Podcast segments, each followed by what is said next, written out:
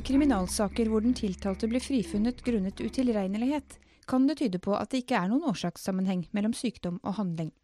Det viser en studie fra NTNU. Rettspsykiatrien fikk hard medfart i forbindelse med rettssaken mot Anders Behring Breivik, og blåste liv i en gammel debatt om den norske straffelovens utilregnelighetsregel.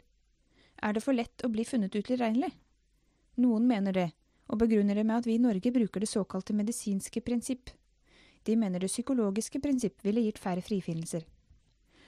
Randi Rosenquist, spesialist i psykiatri, ansatt ved Ila fengsel og forvaringsanstalt, og tidligere leder for Den rettsmedisinske kommisjon, forklarer forskjellen mellom de to prinsippene.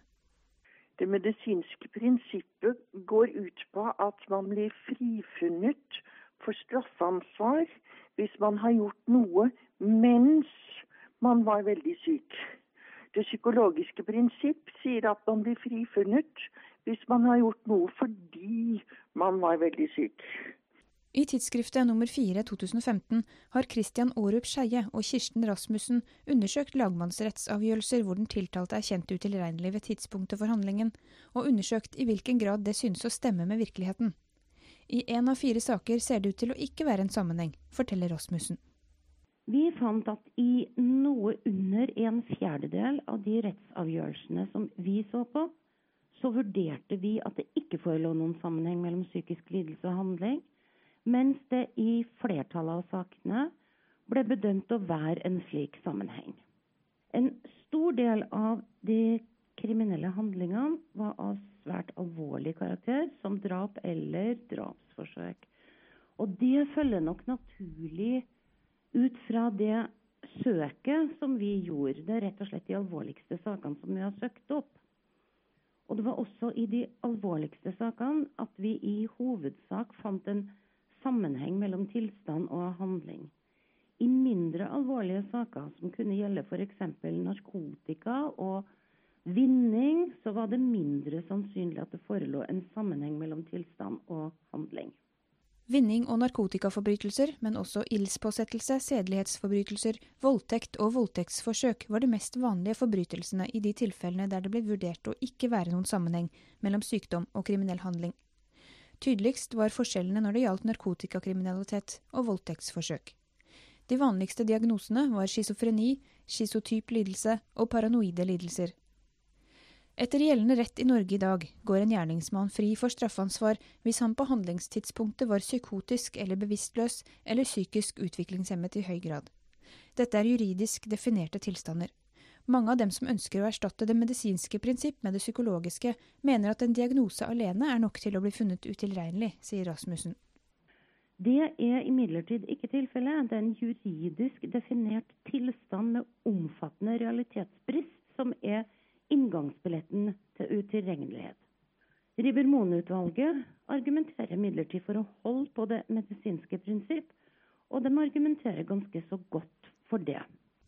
Men Skeie og Rasmussen bedømmer det altså slik at det i 17 av 75 saker ikke forelå noen sammenheng mellom sykdom og handling. Det kan bety at det medisinske prinsipp gir straffritak i en ikke ubetydelig mengde saker, hvor gjerningsmannens psykiske lidelse ikke har påvirket den kriminelle handlingen. Dette betyr ikke at vi kan utelukke at det foreligger en sånn sammenheng. Men vi kunne ikke påvise det, eller finne holdepunkter for det. Men som det også argumenteres med, at når vedkommende har en psykose, så kan man egentlig ikke utelukke at den psykosen faktisk omfatter hele personligheten, slik at det indirekte er en sammenheng allikevel. Men vi kunne ikke påvise en sånn sammenheng i om lag en fjerdedel av de sakene vi så på. Så i, som er et begrensa utvalg. Ja. ja, så I denne fjerdedelen, som gjaldt særlig narkotikakriminalitet og voldtektsforsøk, så burde gjerningsmannen kanskje vært dømt? Tja, om han burde vært dømt, kan vi jo ikke si på bakgrunn av denne studien. Men man skulle kunne tenke seg at han kunne ha blitt dømt hvis vi hadde hatt det psykologiske prinsipp. En annen sak ville jo da ha vært om han ville ha vært soningsdyktig. Det er jo en side av medaljen som gjerne blir oversett. Det er ikke nødvendigvis noen automatikk i at noen blir dømt og dermed sperra inne og dermed ute av veien. Er det for lett å bli funnet utilregnelig i dag? Det er nok ikke for lett å bli bedømt uh, som strafferettslig psykotisk. det henger faktisk ganske høyt i Norge. Det er en veldig smal inngangsport til det der. Og når det gjelder utilregnelig, så er jo det en juridisk avgjørelse. Og mange blir nok frifunnet grunnet tvil om utilregnelighet. Randi Rosenkvist mener Rasmussen og Skeie har vurdert spørsmål som ikke er tema i norsk rett. Sammenheng mellom sykdom og straffbar handling. Jeg tror at stikkordet her er at det tilsynelatende ikke har påvirket handlingen. I norsk rett så vil jo ikke de rettspsykiatrisk sakkyndige vurdere om sinnstilstanden har påvirket handlingen, og domstolen vurderer det heller ikke. Slik at jeg syns at det er vanskelig at man da fastslår og de, de Skeie og Rasmussen har jo ikke fastslått det, men, men antydet det, at sykdommen ikke har påvirket handlingen.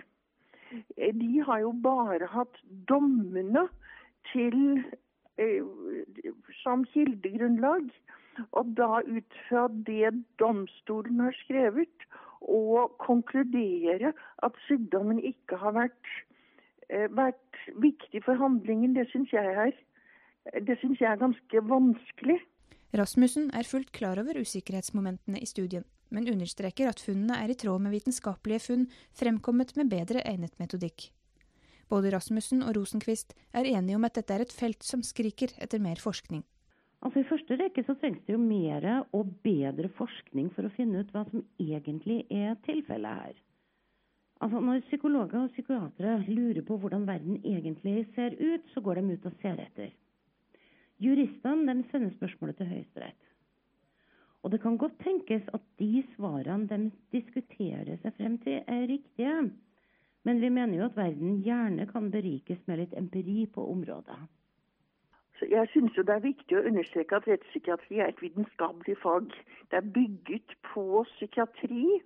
Og når noen sier at det ikke er vitenskapelig, så undergraver man jo hele det psykiatriske fagfeltets vitenskapelige basis. Og det tror jeg er feil. Det vi derimot vet mindre om, det er jo hvordan de norske utilregnelighetsreglene virker. I hvilken, hvilke personer blir frifunnet eh, eller dømt i, med bakgrunn i de norske utilregnelighetsreglene. Og dette er jo mer juridisk forskning enn en psykiatrisk forskning. Og dette baserer dette er jo vurderinger man ikke kan bygge på engelskspråklig forskning, amerikansk forskning, for å finne ut av. Men det å se, ha en bedre kartlegging av de personene som blir frifunnet, eventuelt ikke frifunnet likevel, det tror jeg er viktig for at vi skal forstå dagens utilregnelighetsregel og se konsekvensen av det. Og dersom man skal gjøre slik forskning, så mener jeg at det ikke er tilstrekkelig å lese dommer. Man må kunne gå inn i de rettspsykiatriske erklæringene og analysere disse. For det er der den mer omfattende psykiatriske diagnostikk, som er vitenskapelig eh, fundert, er presentert. Jeg syns jo det er bekymringsfullt at vi i Norge opererer både med dom til tvungen psykisk helsevern og ikke for, minst forvaring av, til, for, av tilregnelige lovbrytere som man anser som farlige. Og så er det så vanskelig å få tilgang til rettspsykiatrien fordi at de er beskyttet av, en, av helseforskningsloven, slik at det er vrient å kunne systematisere dette uten den enkelte persons eh, tillatelse. Og dette er en gruppe som ikke akkurat gir tillatelse til forskning. Men frem til mer forskning foreligger, fortsetter norsk rettspraksis som før. I en NOU-rapport fra 2014 anbefales det at det medisinske prinsippet videreføres. Rosenkvist støtter den konklusjonen intuitivt så er det jo det psykologiske prinsipp som er riktig. Men jeg tenker rent vitenskapsteoretisk at det går an å med en rimelig god faglighet å si, fastslå om en person var veldig psykisk syk. Men hvorfor han gjorde noe? Skal man spørre Freud? skal man spørre ham. Hvordan kan man vite hvorfor en person har gjort en straffbar handling, når personen for øvrig er veldig psykisk syk? Du kan lese lederartikkelen til Rosenquist og originalartikkelen til Skeie og Rasmussen i tidsskriftet nummer fire. I tidsskriftets podkaststudio Eline Feiring.